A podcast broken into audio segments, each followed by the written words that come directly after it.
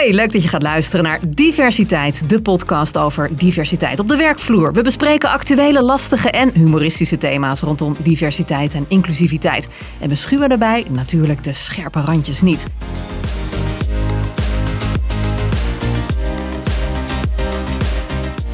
En deze keer gaan we het onder andere hebben over ongekend talent. Wat steeds belangrijker wordt in deze krappe arbeidsmarkt en de rol hierin voor uitzendondernemingen. Mijn naam is Hannelore Zwitserloot. Ik heb zelfs bij de radio jarenlang in een mannenwereld gewerkt. En naast mij zit onder andere Okko Leiding. Welkom. Dankjewel. Stel jezelf even voor. Okko Leiding, Managing Director van Harvey Nash Nederland. Vader van twee kinderen. En uh, heel blij hier weer te zijn. En uh, welke rol speelt diversiteit voor jou? Ik heb uh, jarenlang in organisaties zelf gewerkt en altijd bedacht waarom hebben we diversiteit nou niet op orde. Nu ben ik zelf directeur van een organisatie en het is een dagelijks onderwerp waar ik mee bezig ben. Mooi. En aan de andere kant zit Renzo Deurlo. Welkom. Dank je. Vertel. Uh, ja, Renzo Deurlo, oprichter van GreenFox, een sociale onderneming die gelooft dat iedereen een voorsprong op de arbeidsmarkt heeft. Wij helpen dagelijks mensen naar een, de zoektocht naar een duurzame baan. En uh, privé vader van uh, een trotse vader van vier dochters. En hoe belangrijk vind jij diversiteit? Diversiteit zou de norm moeten zijn, daar zou je eigenlijk niet over moeten hebben. En door middel van deze podcast proberen we ook echt te laten zien hoe we dat zouden kunnen doen, de nieuwe norm. Ja, helder. Deze keer is onze gast Jurien Koops. Hij is doctorandus in de algemene economie. Hij kwam via de CNV Bedrijvenbond en Start terecht bij de ABU, de Algemene Bond Uitzendondernemingen, waarvan hij sinds 2014 directeur is. En hij zegt dat werken met ongekend talent een belangrijke les is in deze tijd van arbeidsmarktkrapte, want ook op de huidige arbeidsmarkt zijn nog veel mensen beschikbaar die niet in beeld zijn bij werkgevers. Jurien, welkom in de podcast Diversiteit. Dankjewel. Leuk Allereerst meteen een uh, bijzonder feit. Jij bent uh, degene die uh, Renzo en Okko aan elkaar heeft voorgesteld. Hè? Ja, het is ontzettend leuk om hier te mogen zijn. En vooral omdat de beide heren inderdaad via de ABU met elkaar in contact zijn gekomen. Dus ja, ja dan zie je waar de ABU goed in is. En dat hoe, hoe ging dat? Mensen. Ja, het is de Tinder van de arbeidsmarkt. Tinder van de arbeidsmarkt. Ja, hoe ging dat? Volgens mij waren ze beide bijeen in de commissie waar wij uh, bij de ABU er wel meer van hebben. En kijk, uh, het is heel mooi om lid te zijn van de ABU, maar als je een slapend lid bent, heb je er niet zoveel aan. Als je actief bent en je komt echt naar vergaderingen toe, dan ga je mensen ontmoeten, daar word je wijzer van en daar word je uiteindelijk zelf ook beter van. Dus het is heel mooi dat daar dit initiatief ook uit, uit voortkomt. En uh, ja, ik ben trots om hier te mogen zijn. Ja, ja de matchmaker dus hè, ja, van zeker. deze twee. Heel leuk. Allereerst, dat vragen we aan al onze gasten. Wat versta je precies onder diversiteit? Oh, dat is een ingewikkelde vraag. Heb ik natuurlijk wel even over na kunnen denken. Want het was aangekondigd dat dit onderwerp leidend zou zijn. Ja. Uh, als ik het echt zou moeten samenvatten, dan is het benutten de kracht van de verschillen. Die er tussen mensen bestaat. Uh, dat is eigenlijk voor mij dan de essentie. Ja, en, en, en hoe benut je dan die kracht? Wat bedoel je daarmee? Door iedereen te accepteren zoals die is. Door te zorgen voor uh, binnen organisaties voor een hele diverse samenstelling van je personeelsbestand. Waarbij je alle soorten, smaken, achtergronden, opleidingsgeslacht op een goede manier vertegenwoordigd weet. Waardoor je uiteindelijk ook vanuit die verschillende invalshoeken tot een veel betere organisatie, veel betere besluitvorming komt. En voor mij is dat eigenlijk, ja, het is eigenlijk de kracht die je benut van de verschillen die mensen hebben. Nou is dat vaak in de praktijk wel moeilijk natuurlijk, want verschillen zijn leuk, interessant, maar het kan natuurlijk ook wel uh, tegenwerken af en toe, dat het gewoon irritant is. Ja, maar als het goed is komen daar uit, uit dat soort wrijving komt glans voort en worden dingen over het algemeen een stuk mooier. En uh, ja-knikkers om je heen die uit hetzelfde hout gesneden zijn. Dat voelt heel comfortabel. Dat is net als plassen in je broek. Dat voelt even heel lekker. Maar na vijf minuten wordt het toch vervelend. Eén momentje alsjeblieft. nou heerlijk, de toon is gezet. Ongekend talent, daar wil ik het allereerst met je over gaan hebben. Wat, wat bedoel je daar precies mee? Daar bedoel ik eigenlijk mee dat we, dat ervaren we natuurlijk allemaal. We hebben een verschrikkelijke krapte op de arbeidsmarkt. En het slechte nieuws is, dat gaat niet meer weg. Dus dat blijft de komende jaren onder ons. Uh, maar het slechte nieuws is ook dat er heel veel mensen niet nu mee kunnen doen. Die wel graag mee zouden willen doen. En die in ons deze tijden van ongekende krapte alleen nog maar meer afstand voelen. Omdat ze nog steeds niet mee kunnen doen. Dus bedenk wat dat doet in het hoofd van mensen die nu langs de kant staan. Ik kan er nog steeds niet bij. Dat is buitengewoon pijnlijk. Dat creëert afstand. En Hoe, hoeveel men... mensen hebben we het dan over ongeveer? Heb je daar ja, cijfers kijk, van? Daar, kijk, daar, daar, wordt heel gemakkelijk gezegd... er zijn een miljoen mensen die langs de kant staan en nu niet meedoen. Het zijn er heel erg veel. En de les die we geleerd hebben uit het verleden is dat je ze eigenlijk allemaal één voor één terug moet brengen. Ze gaan er in reorganisaties met bosjes tegelijkertijd uit. Maar je moet ze heel vaak gewoon één voor één terugbrengen naar de arbeidsmarkt. En dat betekent dat je heel veel aandacht moet geven aan die mensen die nu niet mee kunnen doen. Als er wat minder aandacht en het wat makkelijker gaat, dan kun je ook via de uitzendbureaus zeg maar heel veel doen. Maar als mensen echt ook te maken hebben met drugsproblemen, gedragsproblemen, financiële problemen. Vaak stapelen mensen die nu niet mee kunnen doen ook heel veel pech in hun leven eh, op. Ja, daar, daar zit veel potentie in. Alleen die hebben we niet goed in beeld. Die hebben we ook niet goed ontsloten. En daar zouden we ons de komende jaren nog veel meer op moeten richten. Maar hoe gaan we dat doen dan? Nou, hoe gaan we dat doen? Door eh, te beginnen met die mensen goed in beeld te hebben. Door, als je nu met een wethouder praat en die praat over de mensen die bij hem eh, een bijstandsuitkering genieten, daarvan zegt hij 60, 70 procent heb ik in de laatste jaren zijn niet meer door mijn mensen gezien. Ja, dat kan natuurlijk eigenlijk niet. Hoe, hoe verwacht je dan dat die mensen uiteindelijk ook, die hebben een heel patroon opgebouwd. Hoe verwacht je dat die zomaar de stap naar voren kunnen zetten en willen zetten? Dus begint gewoon met aandacht geven aan mensen. Het goede gesprek. Uh, ik heb een middag mee mogen lopen op een werkplein. Waar ik uh, als een mug op de muur gesprekken bij mocht wonen. Daar zat een vrouw die uh, en geen werk had. En in de via zat. En een partner had die er elke week in elkaar sloeg. En daar zei de dame of heer van het werkplein zijn: Ik zie u over een half jaar weer. Ja, dat kan niet. En die wil je aan het werk helpen. Ja. Nou, dat betekent die zeggen: Ik komt u morgen langs. Of ik kom morgen bij u langs. Precies. Aandacht voor mensen, daar begint het mee goed ontsluiten. Dus goed in beeld brengen wat die mensen kunnen. Niet in beeld brengen wat ze niet kunnen, maar goed in beeld brengen wat ze wel kunnen. Dan vraagt het ook dat je anders gaat kijken en anders gaat matchen. Veel minder gaat kijken naar eh, de diploma's die mensen hebben, maar naar de skills en de vaardigheden die, die ze met zich meebrengen. Dat helpt ook dat je ook helpt het werk wat opdrachtgevers hebben om dat soms anders te organiseren. Want we denken heel erg vanuit de, de, de bestaande banen en de bestaande functies. Maar onze leden zijn steeds vaker bezig om bedrijven te helpen het werk anders te organiseren, zodat het bij de mensen past die nu nog langs de kant staan en die mee, mee kunnen doen. Dus het vraagt heel veel. Maar het, eh, als we het niet doen en we schrijven de mensen af, dat kunnen we ons niet veroorloven. Maar zeg je nou in feite de overheid faalt? Hè? Want die, eh, die heeft die mensen niet meer in het vizier. En is het dan de rol van de uitzendondernemingen om die mensen dan toch weer te, te motiveren, te enthousiasmeren? Nou, het is de kracht van beide partijen. Uh, want ik geloof niet de uitzenders die zeggen ik los al je problemen wel op. Want dat kunnen ze vaak ook gewoon helemaal niet. Die zijn goed in staat om als je het over die triage op de arbeidsmarkt hebt, om de mensen die wat meer vooraan in die reis staan, om die makkelijker naar het werk te helpen. Het vergt echt nog wel wat op het werk fit maken en goed in beeld brengen. Dat, dat vergt ook nog wat. Daar hebben uitzenders vaak gespecialiseerde bedrijven voor. Maar ik ga niet een klap op het hoofd van de overheid uitdelen in de zin van je hebt je werk niet goed gedaan. Zij zijn gestuurd geweest met hele forse bezuinigingen om met steeds minder mensen, steeds meer mensen te bemiddelen. En dan het liefst ook nog door een draadje. Nou, dat kan je na twintig jaar uitzenden wel verzekeren. Door een draadje bemiddelen, dat gaat niet. Ik zie ook al zo hevig, uh, hevig knikken en, en nee schudden. Scoren op de molen natuurlijk. Want wij doen niks anders dan mensen met een afstand tot de arbeidsmarkt spreken. En precies wat je zegt hoe kijk je dan naar het feit dat elke organisatie bijna altijd met de overheid contact moet hebben om met deze doelgroep in contact te komen? Nou ja, dat is nu nog, omdat eh, de overheid wordt natuurlijk gedreven door het feit dat die mensen vaak een uitkering genieten. Mhm. En dat betekent dat ze ofwel bij het UWV bekend zijn, ofwel bij de gemeente bekend zijn. Daar heeft in het verleden de rechtmatigheid van de uitkering een belangrijke rol gespeeld dan de doelmatigheid van de plaatsingen van mensen. Dus die zijn veel meer gericht geweest op het verstrekken van de uitkering dan op het verstrekken van werk.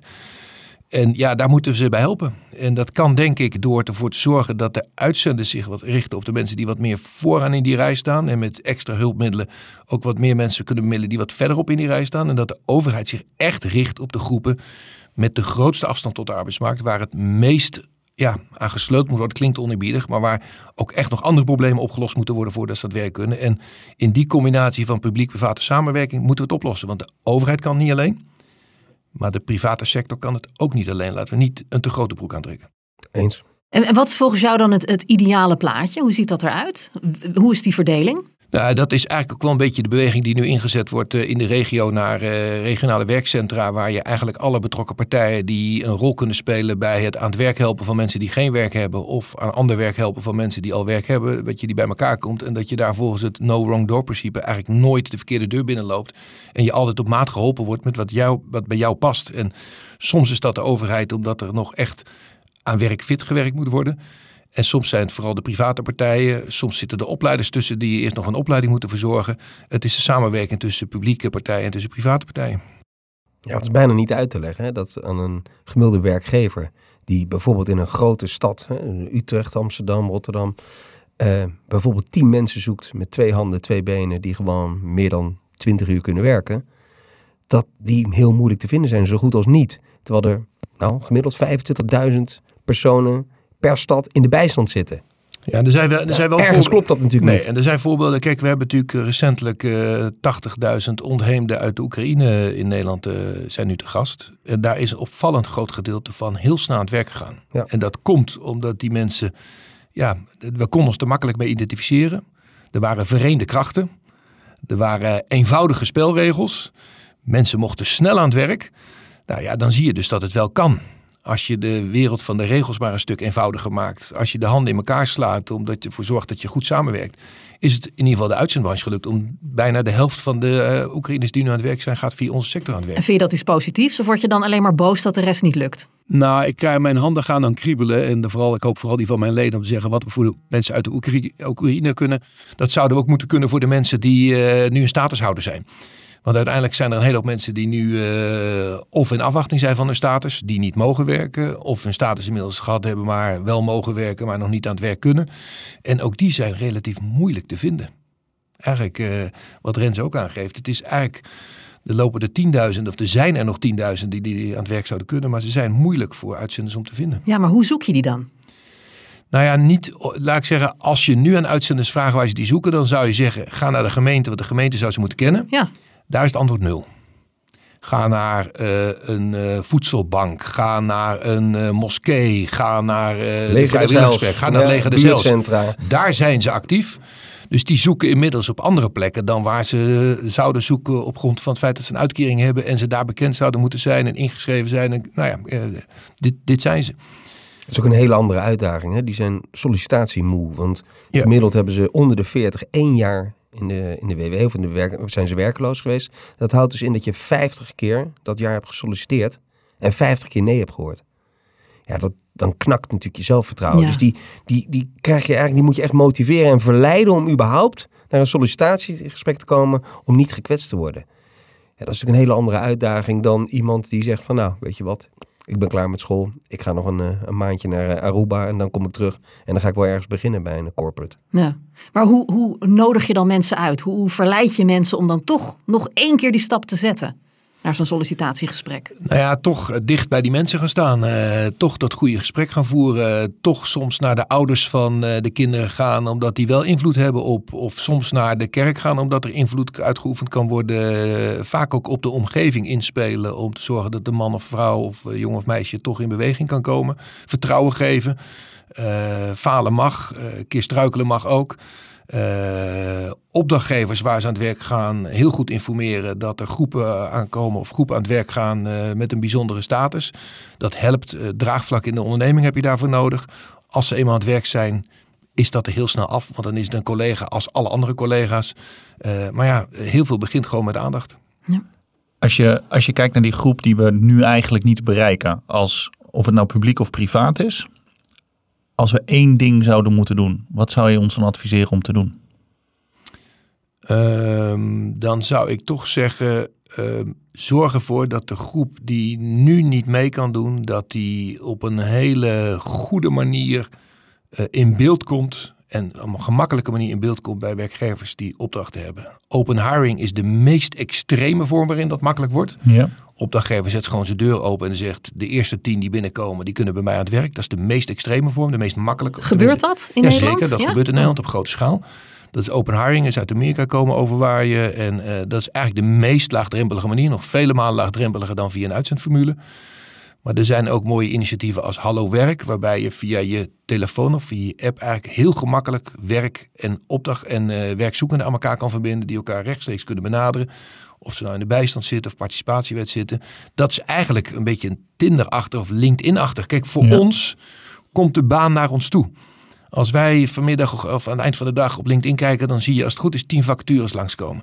En eh, twee jaar geleden was dat nog eh, vacatures die niet bij jou pasten. Want er was nog de buschauffeur en de snackbarhouder. En eh, toevallig zat er ook een projectmanager tussen.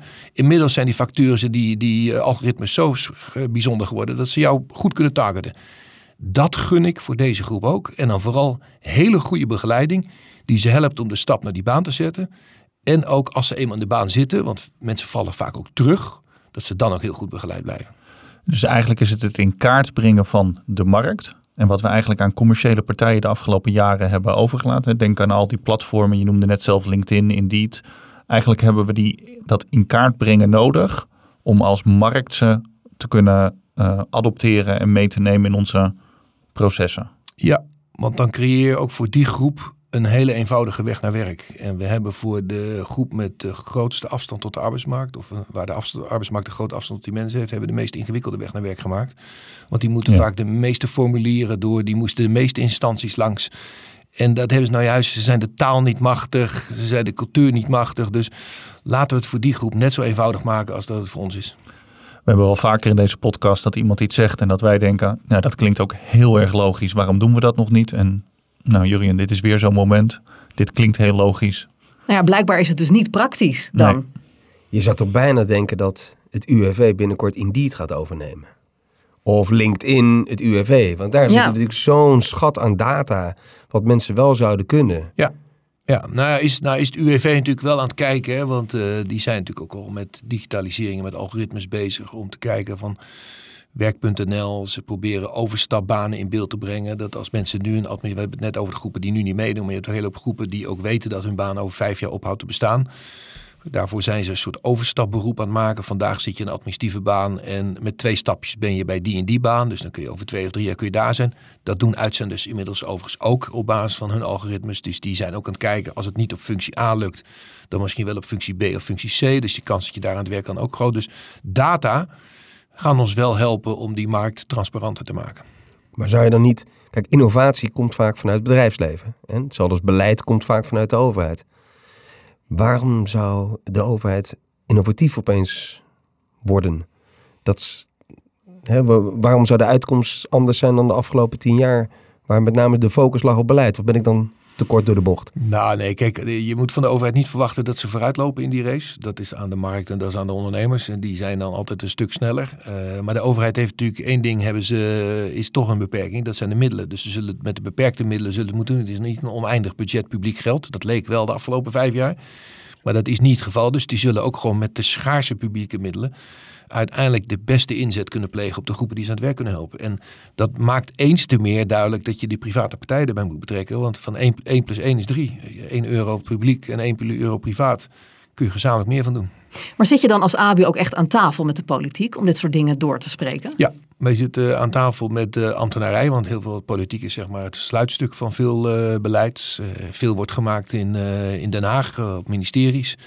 En daar proberen wij wel heel nadrukkelijk de rol van de uitzendbranche, want wij zijn natuurlijk een hele grote branche, een miljoen mensen gaan er jaarlijks aan het werk, eh, neer te zetten als een partij die ook, waar allemaal ondernemers aangesloten zijn, die maatschappelijk impact willen maken en ook maatschappelijk impact maken. Uh, een miljoen mensen, waarvan we zo'n 190 nationaliteiten aan het werk hebben. Uh, op de vier statushouders die aan het werk gaat, doet dat via de uitzendbranche. Dus een eerste kennismaking met werk van alle mensen vanuit de WW die aan het werk gaan, doet 1 op de 3 dat via de uitzendbranche. Vanuit de bijstand is het zelfs 40%. Dus wij zijn voor veel mensen de eerste stap weer naar werk. Ik zeg wel eens van een broodbaan naar een droombaan. Nou, dat, daar kunnen wij bij helpen. En hoe groot is die invloed van de uitzendbranche op het geheel, als je dat zo ziet?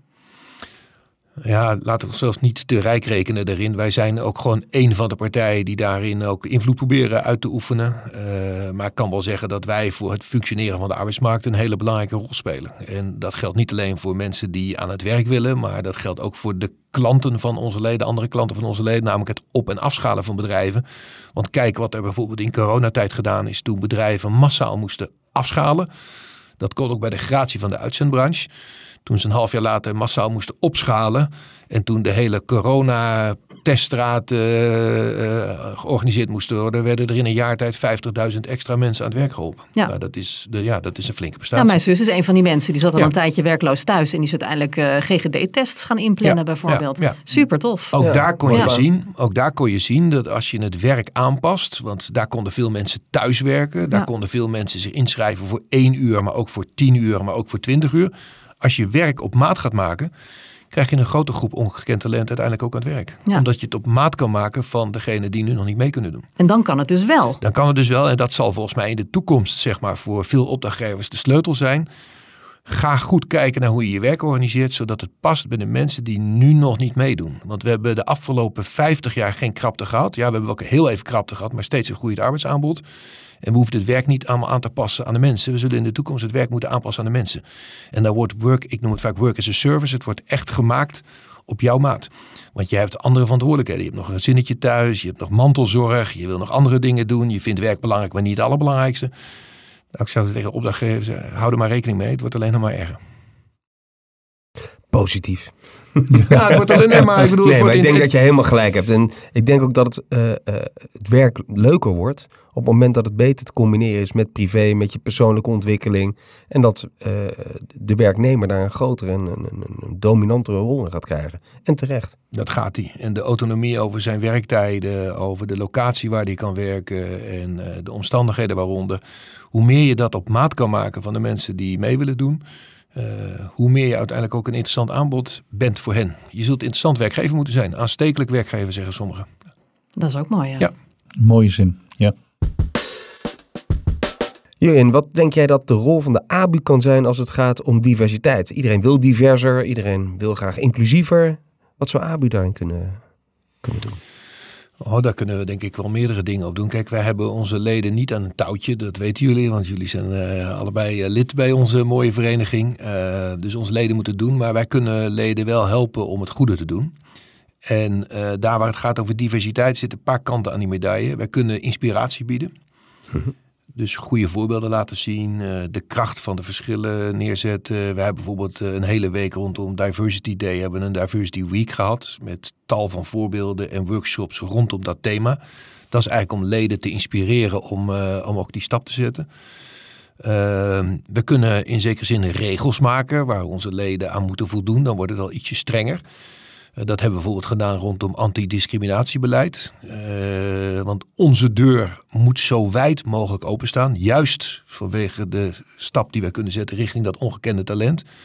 Dus discriminatie hoort nergens thuis, maar het hoort helemaal niet thuis in de uitzendbranche, waar je zo'n belangrijke toegangspoort bent voor al die nationaliteiten. Mooie campagne was dat, ja. Ja, eh, dus daar hebben wij ook, eh nou ja, antidiscriminatiebeleid moeten onze leden hebben. Dus wat doet u om te voorkomen dat er eh, toch gediscrimineerd kan worden? We houden campagnes om de diversiteit aan te jagen. Dus het is, het is ja, langs een heel palet kunnen wij, kunnen wij acties ondernemen. Uiteindelijk moeten onze leden doen. Eh, maar dat zit zowel aan de kant van de uitzetkracht als aan de kant van de vaste medewerkers. Want ook aan de kant van de vaste medewerkers zie je dat dat toch nog heel erg nou ja, weinig divers is eh, wat er werkt bij de uitzendbureaus. Dus ook daar zou ik tegen de uitzenders zeggen, tel uw zegeningen. Ja. En eh, zorg ervoor dat het ook een diversere samenstelling is. Als ik naar mijn eigen ABU kijk, dan hebben wij 32 medewerkers waarvan er 26 vrouwen zijn. Dat is ook weinig divers, om het maar eens een keer omgedraaid te zeggen. Dus dat mag ook al wat, eh, wat diverser en wat kleurrijker. Eh, dus ja, verschillende rollen. Maar ik, ik, ik voel het meeste voor de inspirerende rol. Maar Ja. wij zijn het sterkste en het meest aanwezig met onze wat meer regisserende rol met regels. Want dat is onze natuurlijke neiging als ABU om regels te maken. Als iets moet of zou moeten, dan gaan we regels maken. Ja, maar dat is misschien ook wel nodig. Dat is ook wel nodig. Toch, je kunt inspireren tot je naar ons weegt, maar uiteindelijk moeten er echt wel stappen gezet worden. Zeker, en wij zijn natuurlijk gewoon, eh, als ik even naar de andere kant van diversiteit, naar discriminatie ga, hebben wij natuurlijk wel een paar keer flink ons deksel op de neus gehad. Doordat er grote onderzoeken gedaan zijn waaruit bleek dat uitzendondernemingen heel vaak meegaan met verkeerde verzoeken van de opdrachtgevers. Die vragen om, eh, eh, ik wil niet dat, of ik wil niet dat, of ik wil niet zus, of ik wil niet zo. Ja, dat kan niet. Dus daar hebben onze leden ook al van gezegd, daar gaan we echt fors actie op ondernemen. En dat gaat en door regels maken en door campagnes voeren. Werk jij mee, zegt nee, is een belangrijke campagne geweest die wij gedraaid hebben.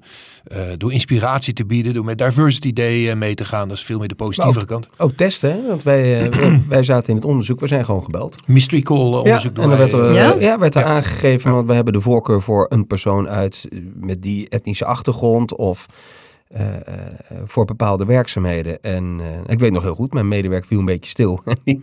en, die, kwam naar me toe en die zei, dat, dat, dat mag toch niet? Dat kan toch niet? het was zo perplex, maar goed dat het werd gedaan. En Absoluut. wij, wij blijven het zeg maar permanent op de agenda zetten. En wij blijven ook onze leden trainen met cursussen. selecteren zonder vooroordelen hebben we trainen of ja, zoiets. Dus we doen veel workshops ook. en we gaan ook volgend jaar weer verder met die, met die acties. En ook mooi om te zien dat de overheid. Hè? Eh, als we kijken naar de banen in het doelgroepregister. Dus voor de wat mensen die wat kwetsbaar zijn op de arbeidsmarkt. Ook daar hebben leden van de ABU allemaal een grote rol in gespeeld. En ziet de overheid ook echt de toegevoegde waarde van de uitzendbranche. Zeker, zeker. En dan zijn we weer terug eigenlijk bij het ongekende talent en de groepen uit de, de banenafspraak. Of uh, ik gaf net het voorbeeld van de mensen uit Oekraïne. Ja, wij zijn voor veel mensen een eerste en makkelijke stap. Zowel voor de mensen zelf als ook voor de opdrachtgever die via het uitzenden kan wennen aan een, eh, aan een nieuwe kandidaat. Dat is onze natuurlijke opstapfunctie, de stepping stones, zoals we dat zo mooi altijd zeggen. Ja, dat zijn wij van nature. En wij moeten van nature ook de sector zijn of de, de opstap zijn waar de minste drempels zijn. Dus de meest eenvoudige weg naar werk die moeten wij ook kunnen bieden. Dus wij mogen niemand uitsluiten. Onze deur moet echt wijd openstaan. Als wij al gaan discrimineren of als er gediscrimineerd wordt, ja, dan wordt het voor mensen echt heel moeilijk om binnen te komen. Ja, touwen start uit zijn. Ja, dat is toch een beetje de... de... Ja, leuk om te vermelden dat er uh, ook de kruiwagen van de arbeidsmarkt. Ja. ja. een van de volgende gasten uh, in, in de uitzending gaat uh, Jos Verhoeven zijn van Start Foundation. Ja, ook ah. heel niet onbekend. Zeker, zeker. En ook gepassioneerd man van een inclusieve arbeidsmarkt. Absoluut. En ook echt een doener op de inclusieve arbeidsmarkt. Ja, die durft al. Ja. We noemden net de vluchtelingen, mensen uit het buitenland. Um, als we vaak over het onderwerp hebben, hebben we het binnen de landsgrenzen. Maar volgens mij doet de wereld van uitzenden, dus ook de ABU-leden, ook heel veel met mensen van buiten onze landsgrenzen. Uh, heb je daar een beeld bij? Heb je, kun je ons daar iets uh, in meenemen? Ja, dat is een groep die inmiddels ook rijk aanwezig is in de branche.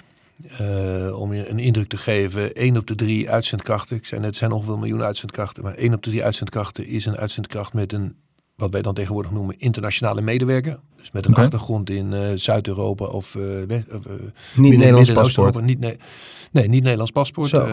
dus dat is inmiddels een heel groot gedeelte van de branche geworden. ook onmisbaar voor de Nederlandse samenleving. Vanwege het feit dat ze op heel veel cruciale plekken aan het werk zijn. Dat merkten we heel nadrukkelijk midden in de coronaperiode. Toen ze in de grote logistieke centra, in het vervoer, in de sector eh, zorgden dat de voeding er was. Dat het thuisbezorgd werd, dat het verwerkt werd. Dus cruciaal voor de Nederlandse samenleving. Uh, onmisbaar. Veel discussie ook over, omdat er rondom de internationale medewerkers ook gewoon dingen niet goed gaan. Uh, rondom de huisvesting of rondom de toegang tot de gezondheidszorg of de registratie. Issues waar Emiel Roemer met zijn advies natuurlijk ook gewoon terecht aandacht mm voor mhm. heeft gevraagd. We zullen, moeten, we zullen ze moeten behandelen alsof het onze eigen burgers zijn, onze medeburgers zijn. Ik zeg wel eens alsof het je kinderen zijn. Zo zou je ervoor moeten zorgen. Uh, ze beïnvloeden sterk ook het uh, imago van de branche. want je kunt bijna geen krant openslaan of er worden wel berichten over geuit. Gelukkig gaat het ook heel vaak goed. Want wat ik al zei, zijn ongeveer 300, 350.000 uh, internationale medewerkers die via de uitzendbranche aan het werk gaan. En ze zijn ook op lange termijn onmisbaar. Alleen het, het echte debat, en ik weet, dat zal jullie ongetwijfeld ook opgevallen zijn, over migratie of over arbeidsmigratie. Dat kan in Nederland eigenlijk niet gevoerd worden. Want je bent of heel erg voor of heel erg tegen. Maar eigenlijk elke nuance daarin uh, die ontbreekt. Uh, en we hebben ze gewoon voor de toekomst ook gewoon hard nodig. We hebben het net gehad over het ongekende talent. Dat heb je heel hard nodig. Je hebt arbeidsmigratie heel hard nodig. Maar als wij op allerlei maatregelen die moeten helpen om de krapte op te lossen, op elke maatregel een taboe verklaren. Omdat we niet meer uren willen werken en het liefst part willen werken. En we willen eigenlijk ook geen arbeidsmigranten hebben. En ja, dat gaat niet werken. Maar dat is dus eigenlijk een soort oproep om hier een breder en genuanceerder gesprek over te hebben. Want iedere keer als, als ik erover heb of lees, dan gaat het altijd over de voorzieningen. En als ik nu hoor hoe grote aantallen mensen er in Nederland zijn, um, uh, gaat het dus met een klein deel mis. En daar, daarvoor moeten we te strijden gaan. Absoluut, helemaal met je eens. Maar het zijn er wel al heel veel. Het is een belangrijk deel van onze arbeidsmarkt. Ja, maar je zult onder ogen moeten zien dat je toch de komende 20, 30 jaar te maken krijgt met een, een krimpende en afnemende beroepsbevolking. Dus dat je ook over de grenzen moet kijken. Uh, je moet rekening houden met de maatschappelijke baten en lasten die daaruit voortvloeien. Want ja, er gaan wel ook gewoon uh, maatschappelijke baten en lasten mee gepaard. Maar een hele eenvoudige discussie wel of niet, die gaat hem niet worden. Dat zie je eigenlijk ook bij eh, de toestroom van de asielmigratie. Ook dat lijkt alleen maar voor- of tegenstanders te hebben. Laten we gewoon kijken wat voor werk willen we hier in Nederland hebben. Wat voor mensen hebben we daarbij nodig. En laten we met een open vizier ook naar de, de landen om ons heen kijken. Neem een voorbeeld aan Duitsland, waar ze al veel verder zijn in die demografische ontwikkeling. En het land heeft de deuren wijd opengezet naar niet alleen mensen binnen Europa, maar ook voor mensen buiten Europa. Omdat ze doorhebben dat als ze dat niet doen, uiteindelijk krapte ook onze maatschappij gaat ontwrichten. Want we vinden het allemaal vervelend als we op Schiphol in de rij staan. Eh, nou, dat is relatief vervelend, maar het wordt vervelender als er geen bus meer rijdt in Oost-Drenthe, omdat mensen daar maar niet meer naar eh, hun buren of naar het ziekenhuis kunnen. Als er geen huisarts meer de telefoon opneemt, dan wordt het allemaal veel indringender. Ja. Tot slot, heb je nog één laatste gouden tip eh, om diversiteit te bevorderen vanuit de ABU? Zeg toch niet fulltime werken, want dat gaan Okko en ik toch niet doen. Dat, dat wordt Toch lastig. ook? We houden het op die lastig. tweedaagse werkweek. Ja, Ja, hoor. Moet Ja, ook nog een beetje gevist worden tenslotte. Nee, ik ben ook niet voor die voltijdsbonus. Ik vind het ook een onzinnige beleidsmatige, beleidsmatige die in Den Haag bedacht is, maar niet in bedrijven bedacht is. Nee. Eh, stel je open voor de ander. Wees geïnteresseerd, wees nieuwsgierig, stel je open en eh, benut de kracht van de verschillen. Mooie tip. Mooi. Ja. Jurien Koops, bedankt voor het gesprek. En eh Okko en Renzo natuurlijk ook weer bedankt. En jij bedankt voor het luisteren. En graag tot de volgende keer bij Diversiteit. En dan hebben we als gast Intelligence Group directeur Geert-Jan Waasdorp.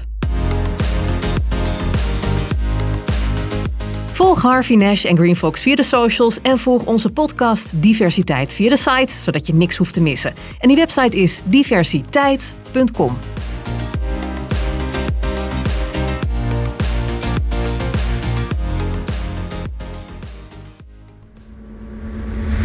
Deze podcast is met trots geproduceerd door Content Leaders